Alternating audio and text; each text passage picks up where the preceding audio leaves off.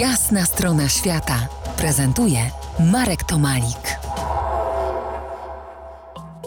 W ostatni dzień stycznia odeszła od nas Ania Czerwińska, himalajstka, zdobywczyni sześciu ośmiotysięczników i korony ziemi. Tak ją widzi Wikipedia, ale przede wszystkim Ania była nietuzinkowym człowiekiem, takim, którego się uwielbia od pierwszych chwil. A takich chwil było mi dane spędzić z Anią naprawdę wiele. Między innymi w lutym 2008 roku gościłem Anię w teatrze Witkacego. To była inauguracja klubu podróżnika Shackleton w Zakopanem, którego wskrzesiłem najpierw w Bielsku Białej wiele lat wcześniej. Ania pokazała wtedy slajdy z wyprawy na Makalu z, w 2006 roku.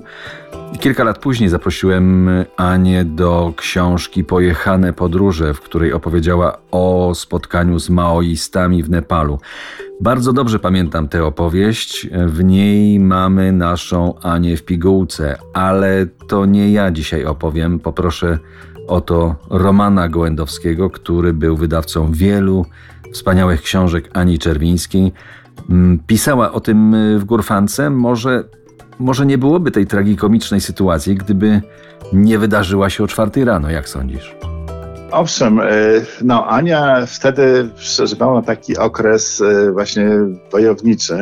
Chodziła w spodniach właśnie w panterkę.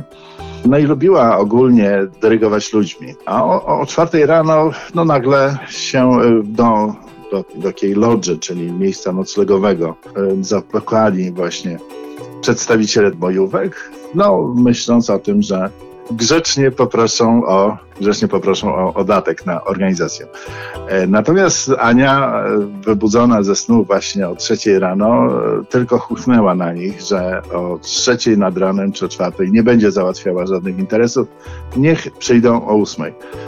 No więc oni grzecznie no, byli pewnie zaskoczeni, że to kobieta im rozkazuje.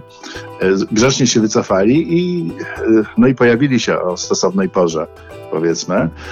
No i to nas, wtedy nastąpiła główna odsłona, bo Ania owszem zrobiła zrzutkę wśród, e, bo to było no właściwie dopuszczalne. Znaczy wszyscy wiedzieli, że tak się to, to załatwia, że, że się robi zrzutkę i, i opłaca się powiedzmy dalszą drogą do bazy.